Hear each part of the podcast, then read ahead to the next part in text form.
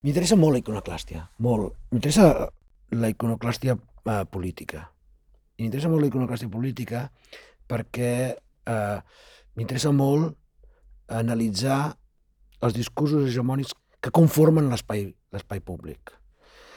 L'ocupació que fan les oligarquies de l'espai imaginari. El monumentalisme, el monument, sempre és, un, és una imposició del, del vencedor en l'imaginari de la població i dels vençuts, o simplement de, de, de la població.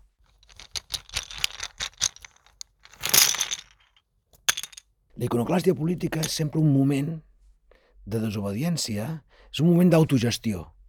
És un moment en què la població decideix que, encara que sigui temporalment, ells decideixen, ells dissenyen l'espai l'espai públic. Cada, cada acte d'iconoclàstia és un acte d'autogestió, de decisions horitzontals de, de l'espai públic, de gestió col·lectiva de, de la plaça. Per mi són alliberaments de la plaça. És a dir, quan eh, és molt simptomàtic quan la, la, la Comuna de París, el primer acte simbòlic important que fan és enderrocar la columna Vendôme. No? I el primer que fan quan es restitueix l'ordre, quan les coses tornen al seu lloc i, els, i les oligarquies tornen a controlar el poder i els, i els subalterns tornen a ser subalterns, és reconstruir la columna Vendôme.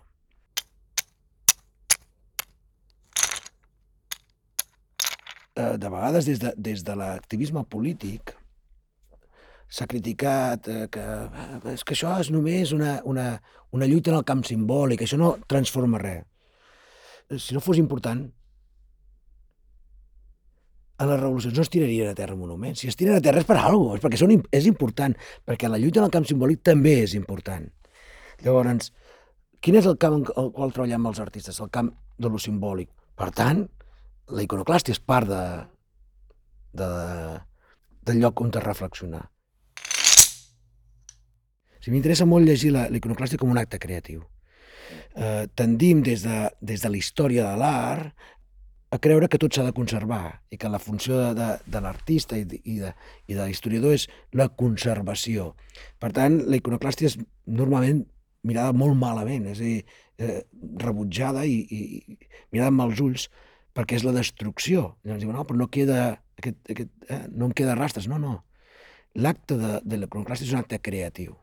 I el diferencio de quan es treuen els monuments. És a dir, quan es treuen els monuments, eh, em pot semblar bé o malament, eh? però quan es treu un monument és una decisió política eh? amb, els seus, amb el seu permís, el no sé què, que es treu un monument. No? Quan es retira una, retira una escultura de Franco, retira no sé què.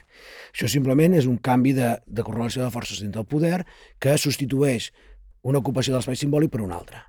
Mm?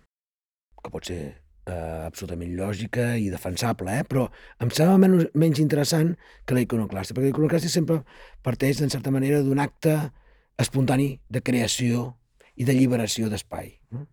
Llavors, m'interessa llegir molt la, la iconoclàstia com això, com, quasi com una forma espontània d'urbanisme i de disseny de, i de disseny d'espai públic.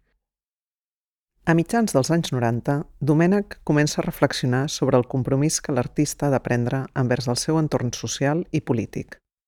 Se n'adona llavors que arquitectura i urbanisme són les arts que més directament incideixen en la vida quotidiana de les persones. I així, simultàniament, les seves recerques entorn les potencialitats socials de l'arquitectura i els dispositius de l'art comença a traçar una trajectòria artística que s'ha materialitzat en forma d'escultures, maquetes, instal·lacions, vídeos, fotografies, workshops i intervencions en l'espai públic. En els seus treballs, Domènec posa en crisi els grans relats emancipatoris de la modernitat i assenyala les disfuncions de les utopies arquitectòniques del segle XX però sense caure mai en els paranys apocalíptics i distòpics del neoliberalisme. La seva és més aviat una crítica regeneradora, una lluita des del camp simbòlic per reconstruir i ocupar espais de revolta des d'allò micro, local i quotidià. En aquest podcast, Domènec ens parla sobre els seus processos de treball i documentació, el que ell anomena una investigació bastarda, sempre a cavall entre l'art, l'antropologia, la sociologia la història, el periodisme i l'activisme.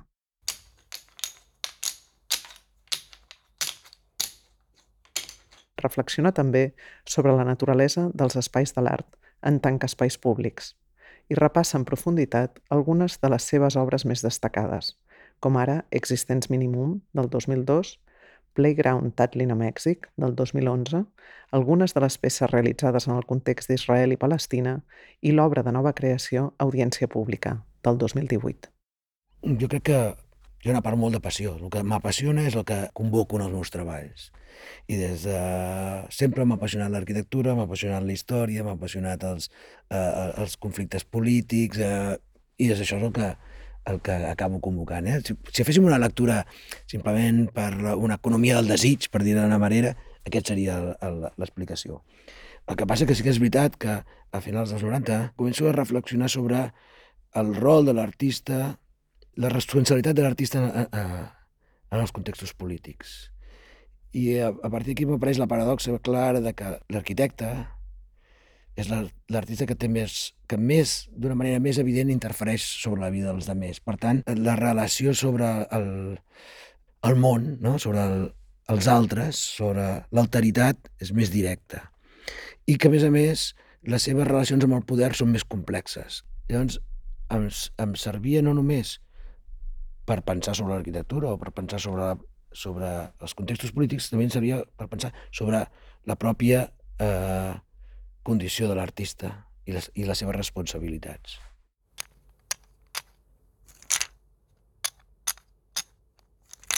Aquesta relació eh, sempre ha sigut problemàtica entre, entre el dispositiu art i la, i la seva capacitat d'incidència social o política. Jo durant un temps eh, eh, vaig fer com una, una voluntat molt clara de fugir, d'intentar fugir del, del cub blanc. Però penso que era ingènua la meva reacció. Era, era, era necessària segurament en aquell moment. Necessitava experimentar què passava quan eh, treballava desprotegit del paraigües de l'institució art. El gran problema de l'institució art és que converteix, pràcticament sempre és molt difícil trencar la dinàmica que converteix eh, l'interlocutor amb espectador, amb un espectador que entra dintre l'institució art, per tant, llegeix el codi de que, com que això és institució art, el que estic veient és art, i a partir d'allà es creu una, uns codis de relació molt difícils de trencar. No? Llavors, eh, sobretot a finals dels 90, així ens vaig començar a, a voler treballar molt directament sobre un espai no protegit per la institució art perquè m'interessava veure què passava no? i veure que, com podia funcionar aquests, les meves propostes en un context on no hi hagués aquest apriorisme. I la veritat és que ho segueixo fent i m'interessa moltíssim.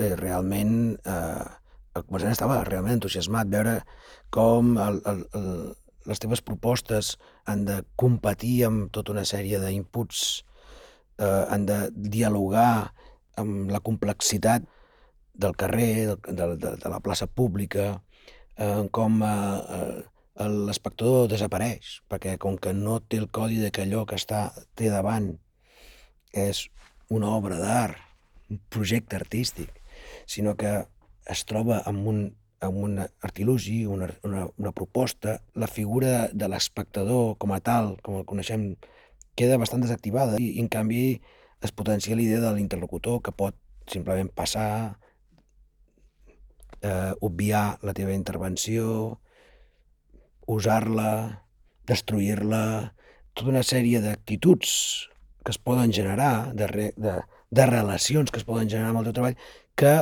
difícilment es produiran dintre de, de l'institució art. Però després, pensant-hi molt, eh, per, per què la institució art no la considerava jo espai públic? És perfectament espai públic, és espai social i, espai, i és espai polític.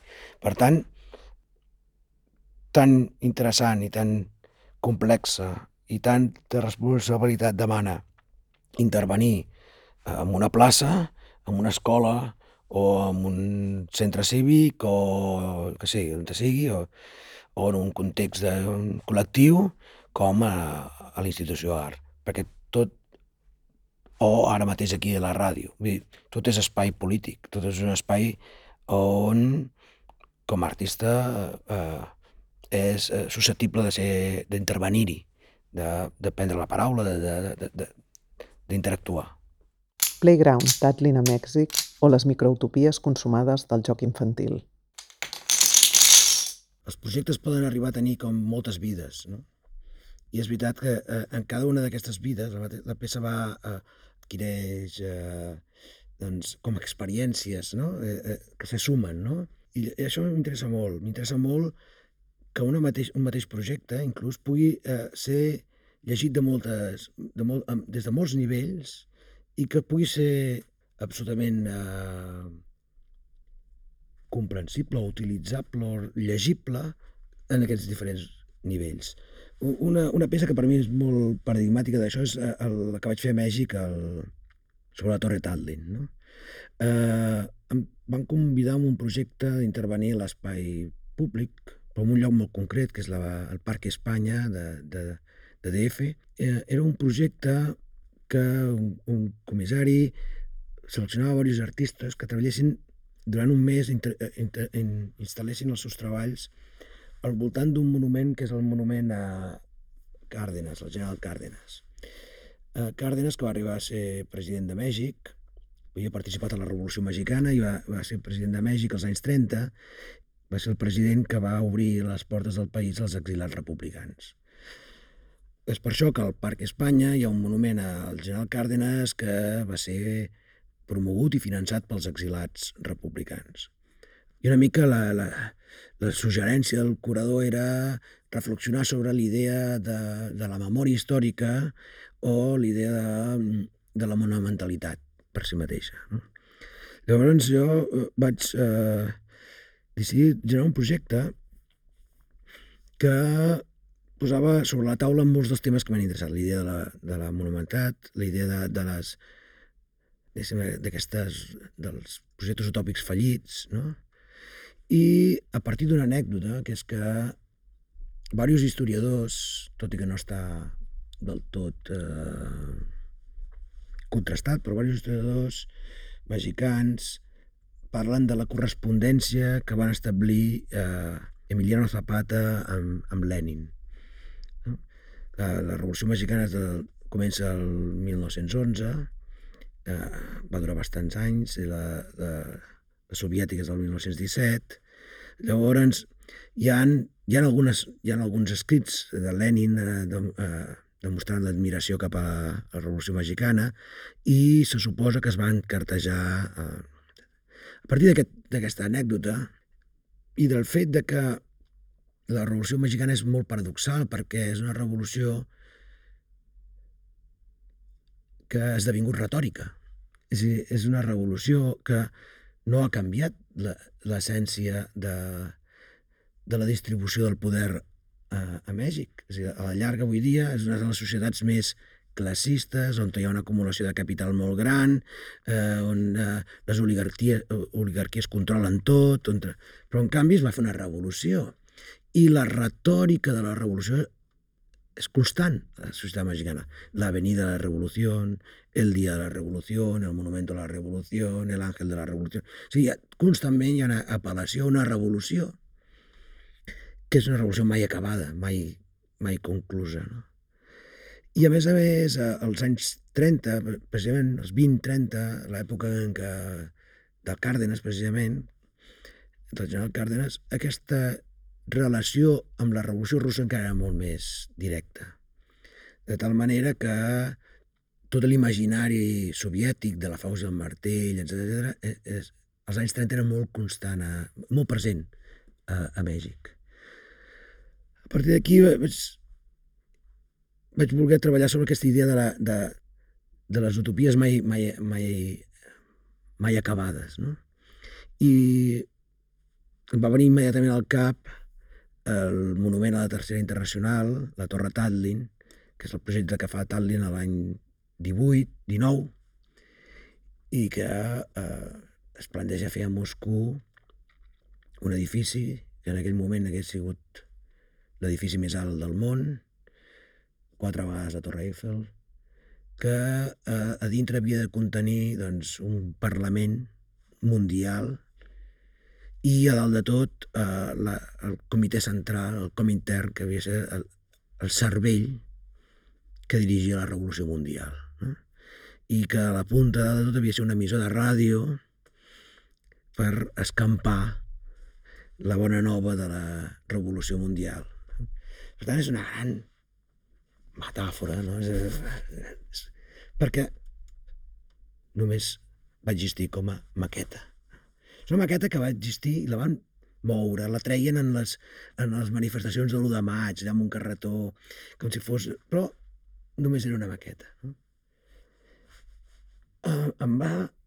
Uh, no sé, em va semblar que, que era perfecte per, per, el, per parlar de la revolució mexicana, no? aquesta cosa que acaba sent només una, una maqueta. Per altre cantó, vaig pensar, ostres, uh,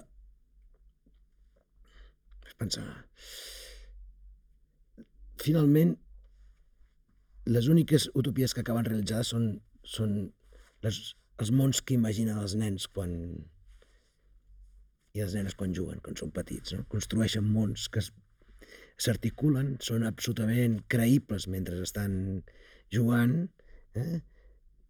i que es, es desfan com, uns, com un sucre un cop deixen de jugar i han d'anar a l'escola, han d'anar a sopar, o el que sigui. No? Llavors, d'aquesta relació sobre aquestes utopies mai acabades, aquests grans discursos mai acabats i les microutopies que, que generen els nens jugant cada dia, em va semblar que es podien posar en relació. I vaig proposar la idea de generar una, una còpia, una rèplica de la Torre Tatlin, de la, però convertida en un, en un playground, un joc per nens.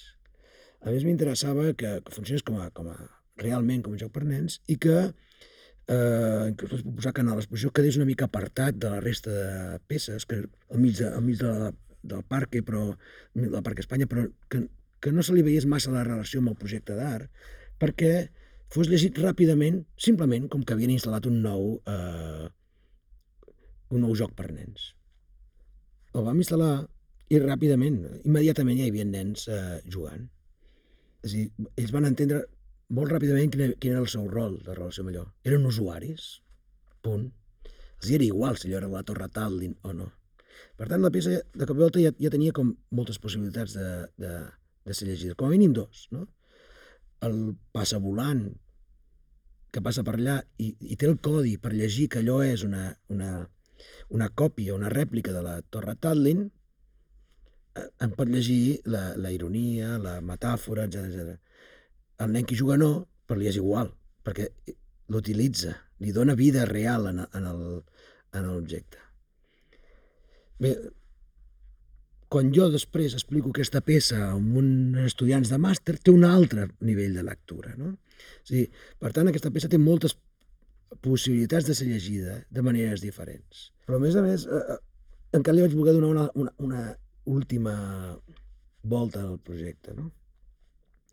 Que és que eh, eh, Parc Espanya està a la Condessa, que és un, un barri de classe mitja, mitja alta eh, de Ciutat de Mèxic, i eh, em va semblar que no era el lloc adequat on eh, aquesta, aquesta torre Tatlin eh, estigués. No? Llavors vaig proposar com a part final del projecte que una setmana abans de que es desmuntés tots els altres projectes que hi havia per del parc, que, sí, que quedés molt evident que abans d'acabar l'exposició, per dir-ho manera, volia que, que es, es traiés, eh, que desapareixés d'allà. I eh, vaig anar eh, unes setmanes abans a Etzapalapa, que és un barri perifèric de la ciutat de Mèxic, eh, població molt empobrida, molt, és un barri molt dur, eh, d'un barri que, bé, un barri, és una ciutat, perquè crec que té al voltant d'un milió d'habitants, eh, només dins de Palapa. No? En aquest barri, fa uns anys, es va construir un centre cultural, el Fare d'Oriente, es va construir en un moment que per primera vegada l'esquerra aconseguia l'alcaldia de Mèxic i l'alcalde era Cuauhtémoc Cárdenas, fill del general Cárdenas. I per primera vegada es van implementar polítiques eh, culturals eh, a les perifèries de la ciutat. O sigui, no en les zones de, de classe mitja, sinó a les perifèries de, de classe treballadora de la ciutat. I el primer projecte emblemàtic d'aquest canvi que va representar eh, l'alcaldia de Càrdenas va ser el, a Faro d'Oriente, que és un centre cultural molt interessant perquè recull des de residències artístiques a, a un menjador de menjar gratuït pels que no poden ni pagar-se el menjar. O sigui, té tots uns nivells de centre assistencial, social, cultural, eh, autogestionat per gent del barri, amb, amb el suport de la ciutat. No? Vaig anar a parlar amb el director i vaig ensenyar una foto de la Torre Tal i dir, m'agradaria regalar-vos això. El tio, evidentment, li va semblar fantàstic, va dir, ah, no tenim cap joc per nens aquí, eh, serà l'origen de crear un, un playground a, al centre. Vam triar el lloc i el que vam fer va ser traslladar, simplement instal·lar definitivament la peça en allà. No? Em semblava que aquest joc que potser finalment l'únic que sap la història sencera o que pot reconstruir tot, totes les diferents eh, links d'aquest projecte sóc jo, no? però em semblava que la, li donava mm, més capes de significat, no? I, i encara està allà, funciona com a... Bueno, els nens del barri juguen allà, no? Eh, seguiran jugant allà sense saber que és una rèplica de Torre Tallinn, no? Però... Aquesta peça a mi m'agrada molt explicar-la perquè com a, com a model d'aquestes diferents maneres de relacionar-me amb, amb el hipotètic, que no seria del tot així, no? dins i fora no? de, de l'institució, art. No s'ha presentat mai al museu. De fet, la presentarem aquí per primer cop, en l'exposició del MACBA, i es presentarà documentació fotogràfica i res més. Perquè no, no té, en aquest cas no té sentit eh, treure-la de context com a peça, com a objecte, perquè si no haurien de fer d'alguna manera que els nens poguessin eh, jugar-hi dintre del museu, que hagués estat bé, eh? però no, a part de que estan allà s'hauria de fer una rèplica i s'hauria de pensar ser utilitzada, perquè si no esdevindria un objecte desposseït de, la, de, de moltes de les seves eh, capacitats no? o potencialitats. Com relacionar-se amb les ideologies emancipadores de la modernitat? Una peça de cub blanc. Existeix mínim un parteix d'una pregunta que faig a mi mateix què és? Jo, com a subjecte contemporani,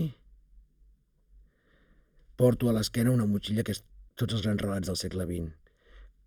Com puc viure amb el pes d'aquest passat?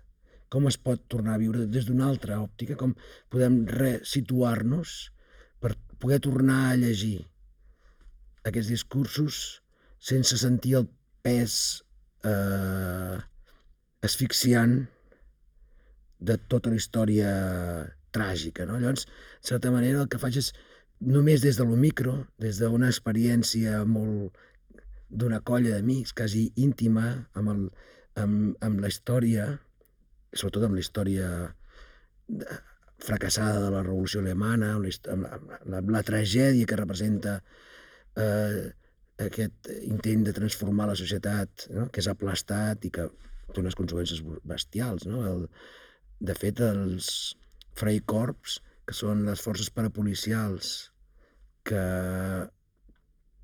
que assassinen a Rosa Luxemburg, són el germen de les SS, de les SA, és a dir, eh, la conseqüència de l'aplastament de la revolució espartaquista és el germen del, del nazisme. No? Llavors, com, com aquestes coses que, sobretot és una peça que és de principis del 2000, no?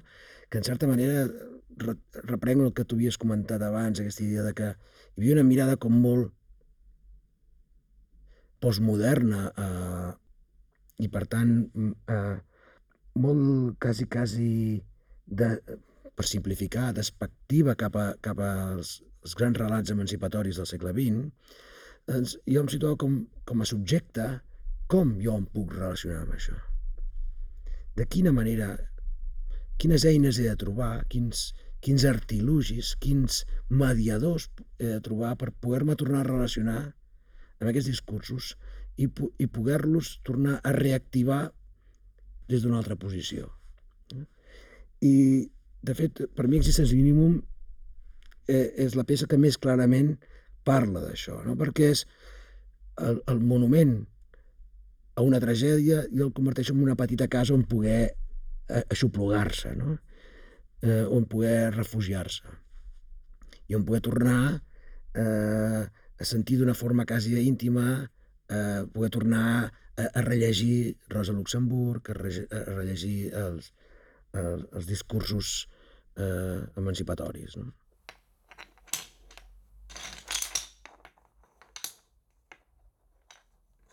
A diferència de la Torre Tatlin, que està pensada perquè, perquè els nens hi juguin i, per tant, col·locada en un context de museu perdria, penso jo, que perdria la seva potencialitat o part important de la seva potencialitat o quedaria convertida en un, en un objecte estètic, l'ús d'existence mínimum és més un fake, és més una metàfora.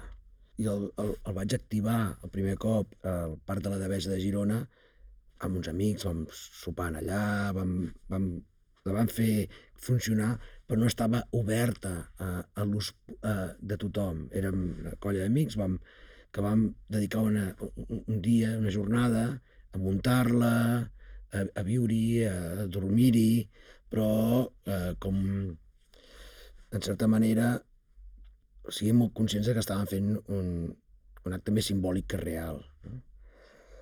El que a mi m'interessava molt més era crear, eh, és a dir, eh, com si, eh, apel·lar a, a les possibilitats, eh, simbòlicament, a les possibilitats de reviure el monument a Rosa Luxemburg. En aquest cas era una peça que no és tant una peça de d'espai públic com una peça de, de Caixa Blanca, que primer s'ha carregat de, de pàtina en l'espai públic, però perquè sigui llegit des, de la, des del cub blanc. Pràctiques artístiques, disciplines hibridades i investigacions bastardes. Evidentment, per generació i pel tipus de treball, he estat, eh, diguéssim, eh, enmig de, de, de, de discussions sobre eh, una certa crítica del, del dispositiu art, del sistema art. No? I eh, durant anys molta gent, eh, contextos que hem mogut, hi havia una crítica inclús, hi ha gent que deia no, no, jo no, no m'interessa fer art perquè l'art... O sigui, una crítica bastant bèstia al, al, al sistema art. Jo, eh, la veritat és que, al contrari, faig una reivindicació clara a mi em sembla un, un terreny molt útil i mentre em sembli útil el practicaré perquè em serveix per al que jo vull per al que jo vull eh, investigar, per al que jo vull conèixer, per al que jo vull treballar. O sigui, és una eina útil per eh, establir una relació amb el, amb el context i amb l'entorn. Jo diria que, que les, les metodologies eh, més acadèmiques i les artístiques, no, no, una no invalida l'altra, eh? eh? però a mi m'interessa molt més la, la potencialitat que té la, les pràctiques artístiques en el camp de la investigació, precisament perquè no estàs sotmès a l'encursetament de, les, de les disciplines. És a dir, un dels grans avantatges que té i per als quals em segueix encantant aquesta feina és que, és que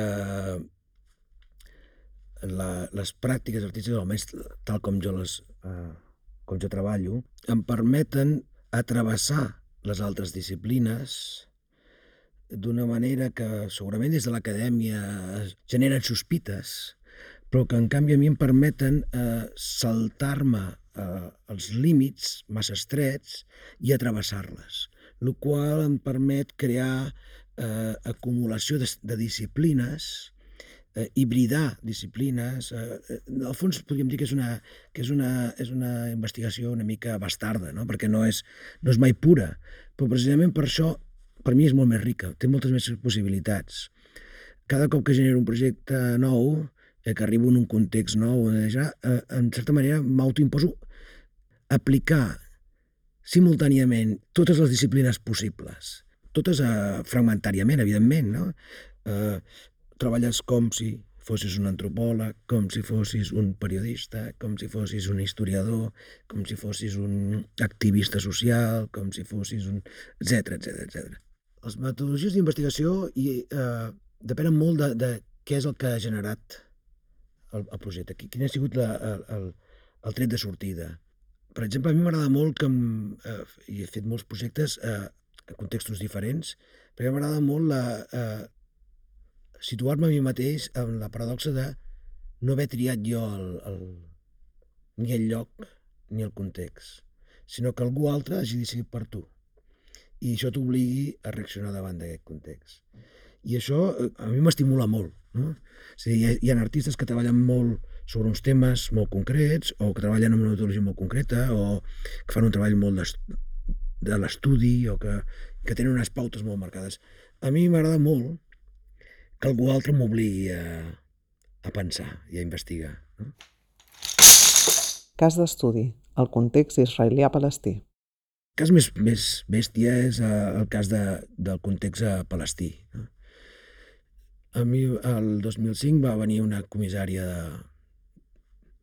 de Jerusalem i em va proposar anar a fer una residència allà i fer un projecte. I he de reconèixer que mai havia tingut un interès especial cap a evidentment, com tothom, la premsa, però no un interès especial. Coneixia relativament poc sobre la història de la creació de l'estat d'Israel, sobre l'ocupació palestina, etc. Coneixia el, el que coneixia de, de llegir els diaris, no, no havia llegit mai cap assaig sobre això, etc. Però va dir, vols venir? I vaig dir, sí.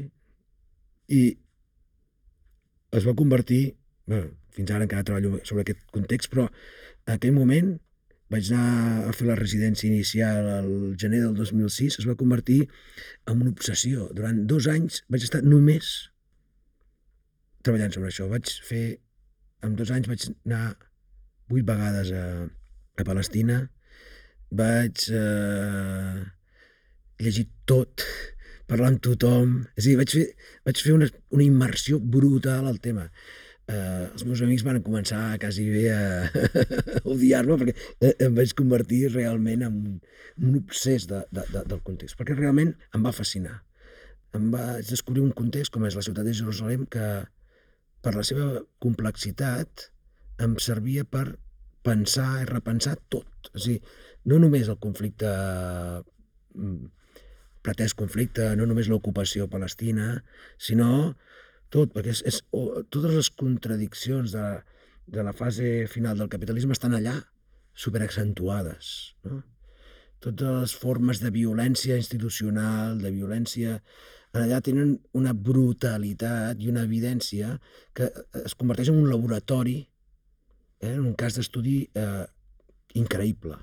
Llavors em vaig quedar realment fascinat eh, i vaig aplicar totes les metodologies possibles. No? Que podien ser des de dedicar-me dies sencers a caminar per la ciutat, a travessar barris, a entrar als bars, a les sinagogues, a les mesquites, a, a, a els barris perifèrics, a, les, a, a les colònies, a, a dir, trepitjar-ho tot com un, amb una espècie de deriva eh, constant a el que entendríem més com a investigació, és a dir, anar a les biblioteques, arxius, el parlar amb tot tipus d'agents, des d'activistes polítics, antropòlegs, eh, arquitectes, acadèmics, refugiats...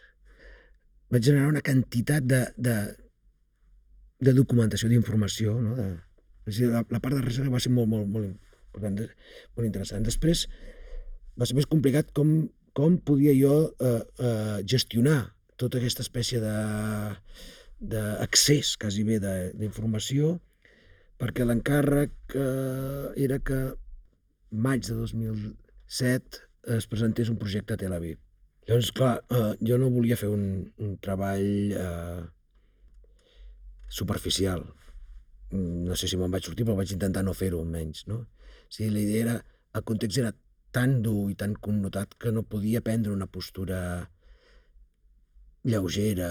O, en lloc pots prendre una posició lleugera, però hi ha contextos menys connotats eh, que aquest, no? Realment és un context molt, molt, molt bèstia, és un context on, eh, eh, per exemple, és un context de colonialisme, colonialisme a, a la vella usança, és a dir, de, de, que representa ocupació de territori. Eh?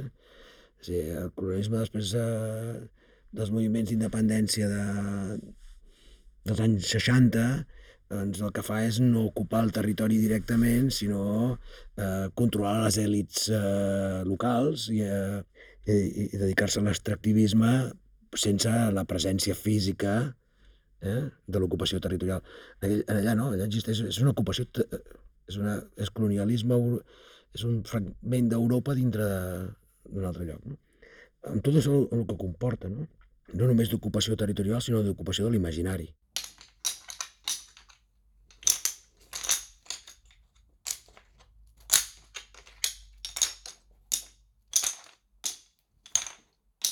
eh, hi havia un moment que, que havia acumulat tot un seguit d'hores i hores d'imatges de vídeo, de fotografies, de textos, d'entrevistes, no sé què, però no sabia com que podia agafar forma i, i podia deixar de ser simplement una acumulació d'informació. No?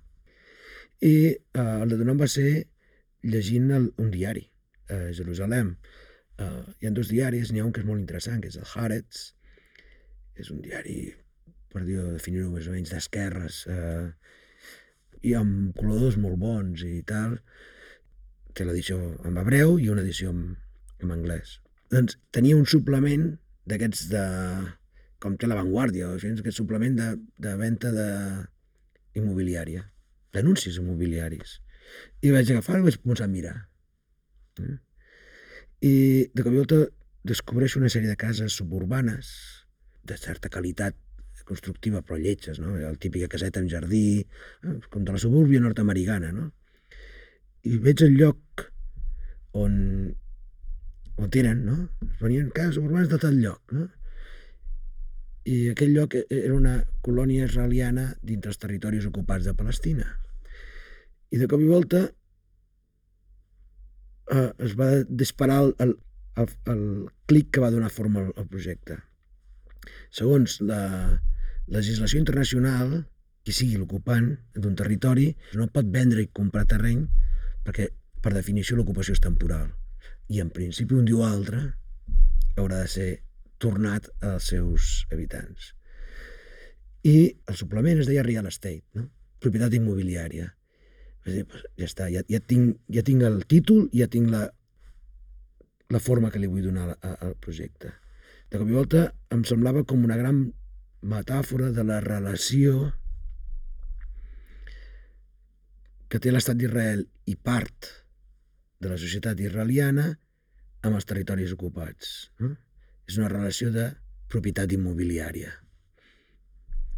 I com a tal, en poden fer l'ús que vulguin. Tot el projecte que vaig fer a Tel Aviv es va plantejar això, com si fos una espècie de ficció d'oficina immobiliària. Es va plantejar el problema de si intervenien dintre la institució AR o, o interveníem eh, al carrer, no? I parlant amb, amb la gent que havia convidat, es plantejaven molts problemes. Eh, no per ells, eh? amb ells no vaig tenir cap problema ideològic, eh, sinó de gestió d'això. Eh?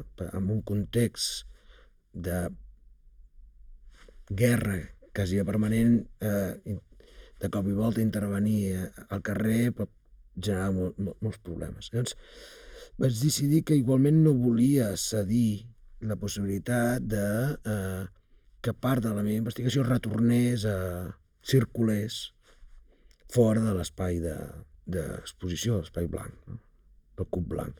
I el que vaig fer va ser que la part important de la peça era una publicació gratuïta que es deia Real Estate, que si fos un suplement de, anuncis immobiliaris, però que contenia tota una sèrie d'imatges, de diferents exemples de les diferents formes d'ocupació territorial i de l'ús de l'urbanisme i l'arquitectura com a estratègia de guerra i ocupació eh, als territoris palestins.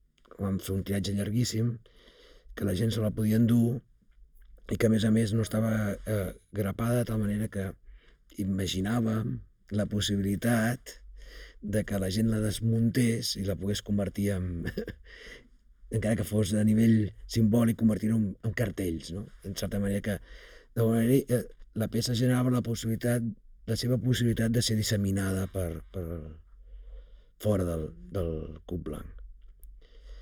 però perquè vegis com funcionen eh, aquests mecanismes i que mai els projectes acaben de, de poden ser eh, eh, estirats és que mentre estava fent això vaig eh, generar un, un altre projecte amb un altre, uns altres eh, socis que és un documental és un, un vídeo d'uns 30 minuts on vam fer un treball d'entrevistar eh, diferents eh, refugiats palestins que feia doncs, uns 60 anys que vivien en camps de refugiats. No? I en aquí també el que més em va interessar, bueno, el que m'interessa molt els meus projectes en general, però en aquest cas concretament era la relació eh, amb el lloc, amb el territori. No?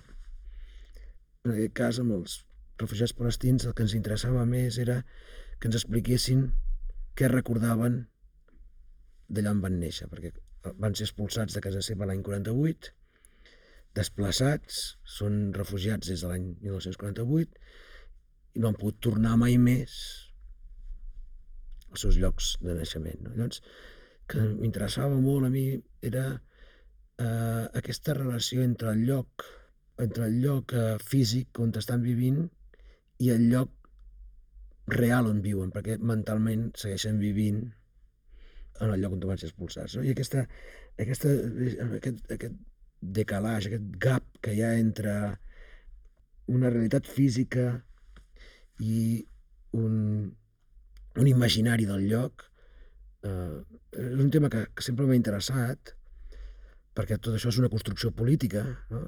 I depèn molt de, de, dels, dels processos polítics que s'han generat en aquell lloc i, i bueno, ens vam explorar vaig, eh, conjuntament amb un company aquest, aquest tipus de, eh, de paradoxes.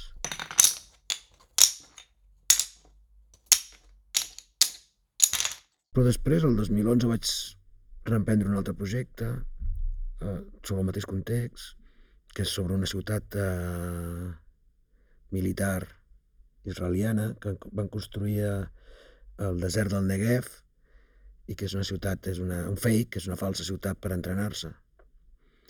És una, experiència molt interessant perquè uh, vaig començar a treballar sobre aquest, aquesta ciutat i vaig intentar moure fils. Jo no havia tornat a, a, a Israel-Palestina des del 2008 i això era el 2011. Vaig intentar aconseguir, a través d'alguns amics d'allà, la possibilitat de poder visitar la ciutat aquesta Balàdia, però de seguida em van dir és impossible, no, no et deixaran entrar, molt complicat, és un, és una, és un equipament militar, eh, tu no ets ciutadà, eh, diu, oblida-te'n. No? Llavors vaig decidir llançar una metodologia diferent. Intentar reconstruir el lloc sense haver-hi pogut anar. Llavors eh, em va venir al cap immediatament eh, el, el, el, el rinoceron de, de, de Durero, de Durer. Durero dibuixa un, un rinoceron, eh, fa un gravat, deu ser el segle XVI. Bueno, en aquell moment a Europa ningú havia vist un rinoceron. I Durer no havia vist un rinoceron en sa vida. Però arriba un personatge a la cort del rei de Portugal que havia vist un rinoceron i ho explica. Explica com és un rinoceront. Algú transcriu i el text aquest, l'explicació, arriba a Duré. I Duré, a partir de les descripcions escrites, el dibuixa. I aquest dibuix es converteix en el model per explicar què és un rinoceront durant segles, fins 150 anys més tard que va arribar el primer rinoceront a la cort de de, no sé, de Venècia o del, de la ciutat del duc de Venècia, no sé. I si tu mires el dibuix, doncs és molt semblant a un rinoceront real. Per tant, és increïble. És dir, a, a través d'una informació sempre indirecta, aconsegueix aproximar-se molt al model original. Bé, aplicaré aquesta mateixa metodologia. Jo no puc entrar a la ciutat, però a través de la informació indirecta intentaré reconstruir la ciutat. aquesta ciutat eh, militar, no? que és una rèplica d'una ciutat palestina per poder-se entrenar. I el que vaig fer va ser doncs, tot això. Primer, inicialment, a partir de fer buidatge d'imatges, eh, moltes d'elles produïdes pels propis soldats, eh, entrant en, en, en les xarxes socials, a Facebook, a blogs, eh, per exemple, l'exèrcit israelià té, un, té una pàgina de Facebook on te, doncs, jo vaig anar fent allò, anar capturant informació. I amb aquesta informació doncs, vaig aconseguir una col·lecció d'imatges. Vaig decidir buscar a, a Google Maps, però no està, no està geolocalitzada. Però a partir de la informació que trobava en els blogs i en els textos, està a prop d'aquí, en el sud d'allà, etc. Vaig anar fent una petita búsqueda per Google Maps fins que la vaig trobar i vaig trobar una captura de pantalla. A partir d'això vaig anar a veure un arquitecte i amb les captures de pantalla i amb les imatges eh, a nivell de, de cota zero de, fetes pels, pels soldats, vam reconstruir la maqueta de la ciutat. I així ens va presentar el primer cop el 2011. No? Era com una recreació d'un lloc a partir d'informació de segona mà. Eh, això va ser el 2011, doncs el 2015 eh, em van proposar tornar a exposar la, la peça i els hi vaig proposar d'ampliar-la. I si em podien finançar una, una segona fase, l'ICUP, que era d'aquí, era per Fabra i Cots, l'ICUP va dir que, que, que endavant i que vaig fer va ser contactar amb diferents soldats israelians que es haguessin entrenat a la ciutat. I vaig incorporar el relat oral sobre la ciutat. I llavors me'n vaig anar a Tel Aviv i vaig entrevistar a tres soldats que es havien entrenat a la ciutat, on jo els hi preguntava principalment eh, com era, quina experiència tenien, com van viure la, a, a, a travessar la ciutat, entrenar-se, entrar a les cases, quin tipus d'entrenament feien, què sentien, sí? que en certa manera m'expliquessin a mi com és la ciutat, és a dir, l'experiència de travessar-la que jo no he pogut tenir. No? I la vaig incorporar a la peça. Per tant, la peça eh, va anar creixent. És el que et deia. De vegades els processos d'investigació són més llargs que, el, que, les, eh, que els calendaris d'exposició. No? Quan estava buscant informació sobre això, primer el que vaig trobar va ser una publicació del CCCB, és, una, un recull de conferències, i hi havia una xerrada del Weissman de, de fa bastants anys, on ell explicava que es havia entrevistat amb l'oficial que va dissenyar i planificar aquesta estratègia de guerra urbana i que va provocar després que es, la necessitat de construir aquesta ciutat. Aquest va ser un dels detonants de, de la peça, del projecte, i l'altre, un assaig d'un teòric eh, canadenc, en aquest moment no recordo el nom, eh, hauria de buscar-ho, que eh, vaig trobar un, un assaig que va fer interessantíssim on explicava que els think tanks, els, els think tanks de, dels exèrcits de, dels Estats Units, Anglaterra, tenen doncs, grups de gent que se'ls contracta per pensar com serà la guerra del futur. I a partir d'un moment és molt clau, no? a partir de, del canvi de segle, que a més a més és, clar, va lligat a la caiguda del mur, a la caiguda, en certa manera, el desmantellament de... Eh, el tombant del segle XX al segle XXI, el desmantellament de, de la guerra de blocs, els think tanks de, que pensen en la guerra del futur, els diuen a, a, a l'exèrcit americà que deixin d'invertir, eh, que l'I+D no ha de ser destinat a, a dissenyar mm, míssils de llarg abast, ni escuts antimissils, ni tot allò de la guerra de, de les galàxies, sinó que la guerra del futur no es produirà entre potències, sinó la guerra del futur es produirà entre pobres i rics. Es produirà a les megaciutats, a les megàpolis del sud global. I que, per tant, l'I+D dels exèrcits americans i anglesos i israelians han d'anar destinats a, de, a desenvolupar la guerra urbana. Perquè les guerres es produiran a les faveles de Rio o a les ciutats de, de l'Orient Mitjà contra els pobres, eh? contra els desposseïts de la terra. És molt interessant com canvia el paradigma de la guerra. Ja no és una guerra entre estats o entre potències, és una guerra de la única potència, eh? De l'únic sistema que, que, que eh? global contra els, els desposseïts d'aquest sistema. A partir d'aquell moment es comença a invertir molts diners en, en la guerra urbana. En paral·lel es dona el fenomen que és, eh, que és el que estudia més eh, Weizmann, que és el fenomen de que la segona intifada als territoris palestins, que és una intifada, un, un aixecament armat de milícies, de, eh, eh, no és un exèrcit, sinó que són les milícies i grups i grupúsculs eh, armats palestins en contra de, de l'ocupació. I eh, l'exèrcit israelià es troba que ha d'entrar en combat eh, en un context que no pot controlar, que són les ciutats, els camps de refugiats, eh, que són autèntics laberints eh, dels palestins. I totes les estratègies de guerra clàssica, que estan pensades des d'una estructura de comandament piramidal de dalt a baix i amb desplegament horitzontal, no serveixen. Perquè s'han d'introduir en, en llocs on les tropes s'han de fragmentar i són molt vulnerables. De fet, eh, tot ve de que intenten controlar el camp de refugiats de Jenin i no aconsegueixen.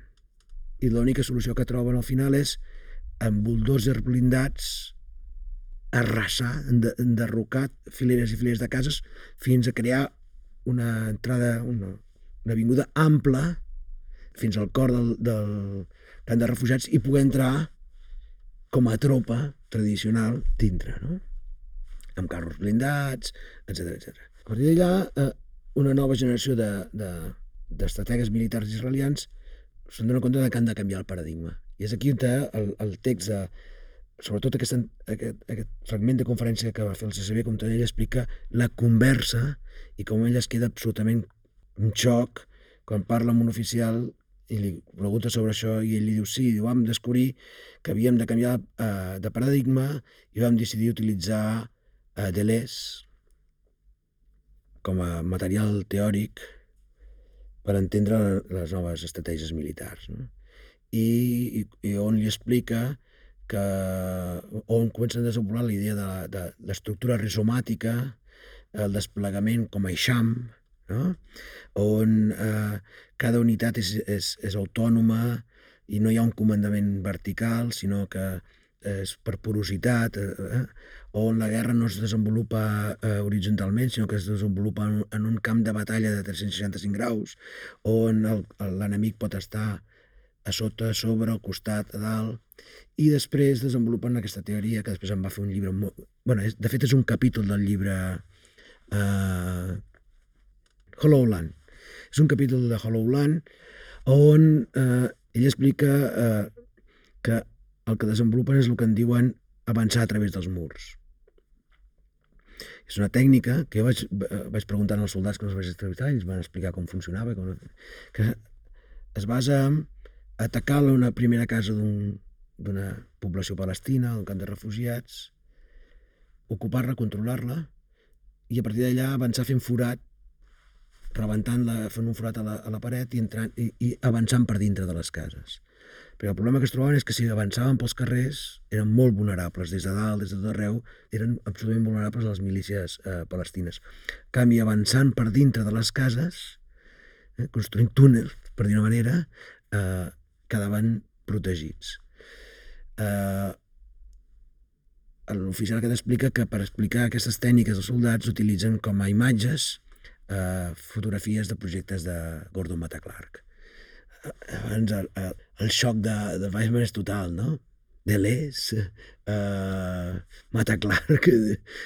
Situava aquest projecte no només en el context palestí, però sobretot m'interessava perquè parla de moltes més altres coses sigui, aquesta ciutat aquest, eh, falsa per poder assajar eh, la, la guerra urbana és una, en el fons és una metàfora de, de, de, de tots els processos eh, del capitalisme global. No? Sigui, de fet, la ciutat és, eh, és llogada de tant en tant per l'exèrcit americà per entrenar-se. No? I, evidentment, eh, eh, aquesta ciutat pot ser entrenar-se per, per, per atacar Nablus o per atacar Bagdad. O, és a dir, eh, és, en el fons és un prototipus de ciutat eh, que pot reproduir, perquè a més a més es pot moure, els mòduls són, són movibles, alguns dels mòduls, i pot recrear escala 1-1 fragments de ciutat real de qualsevol ciutat d'Orient Mitjà. No? I el que em va interessar molt és no tant apel·lar als discursos teòrics que estan allà, però que en la peça no hi són, per tant no hi ha una entrevista al Weissman, sinó m'interessava eh, com es feien evidents tots aquests eh, conceptes a través de la boca dels soldats que han viscut allà, no?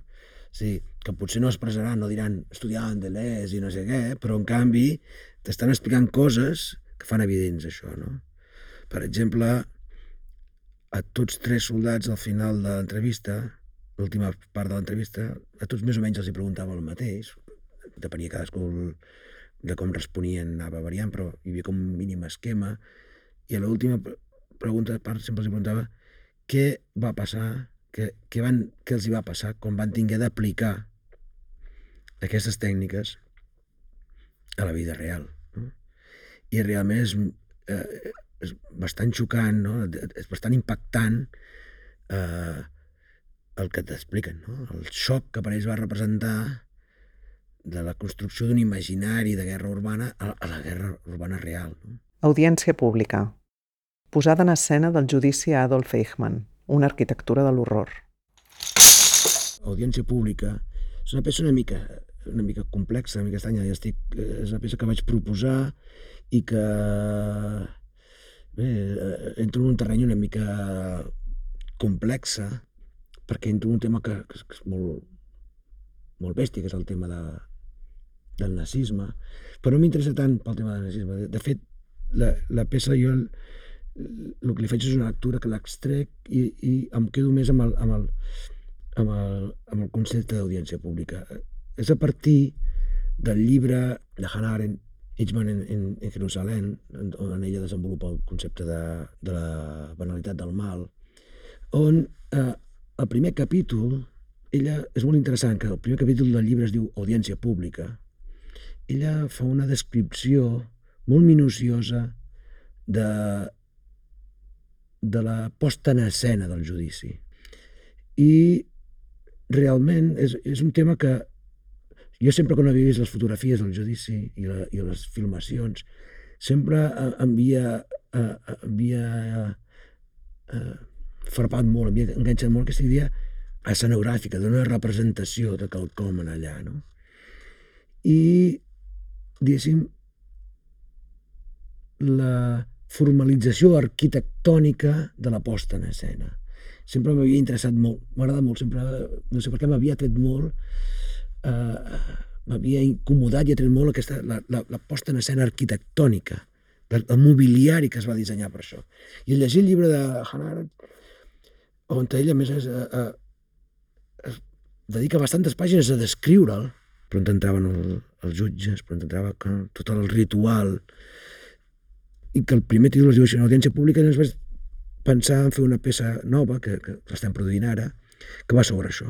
Però de fet no va sobre el judici d'Eichmann tant com sobre eh, la construcció d'un fragment d'arquitectura que és banal, però que com que és un fragment de l'arquitectura construïda pel judici de Lechman, jo pretenc que continguin al seu interior tota la reverberació del mal, no?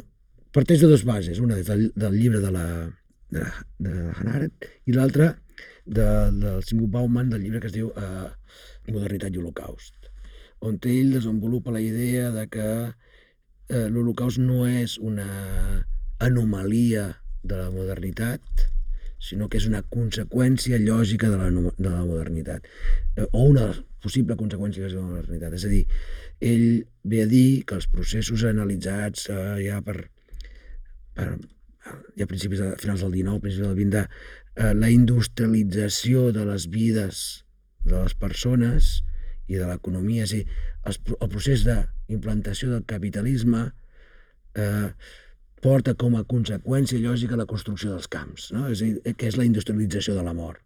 Més o menys, estic fent una lectura molt, molt, molt reduccionista d'això, però més o menys seria això. Llavors, en certa manera, la peça aquesta l'estic treballant perquè fun, em funciona una mica com a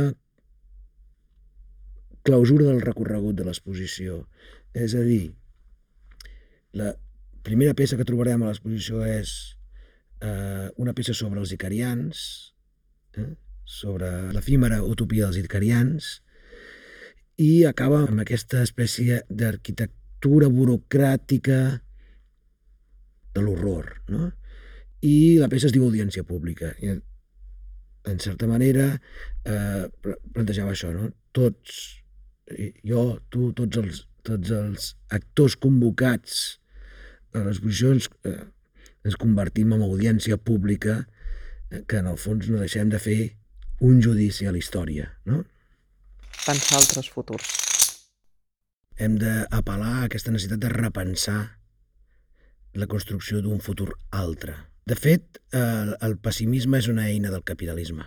El pessimisme és una eina eh, clara de, de, del capitalisme eh, en la seva fase final que construeix un imaginari en el qual eh, ens és pràcticament impossible pensar alternatives al sistema, com que no, no podem pensar alternatives al sistema, els imaginaris sempre són eh, profundament distòpics. Els imaginaris que, que produeix la pròpia indústria de l'espectacle del capital.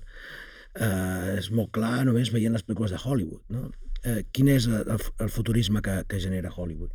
fotorisme que genera Hollywood, el fotorisme que, que ven, sempre són allò uh, Independence Day, sempre són, són distòpics, sempre són, són caos, són terrorífics, i sempre són fruit de que algú ha volgut canviar alguna cosa. Si tu vols modificar alguna cosa, la conseqüència és el desastre. Això és la coartada perfecta del sistema. Per tant, eh, evidentment que hem de ser molt crítics amb, amb els processos de la modernitat i amb els processos inclús dels discurs, els grans relats emancipatoris del segle XX, però no podem caure a la trampa de, de impedir-nos pensar altres futurs.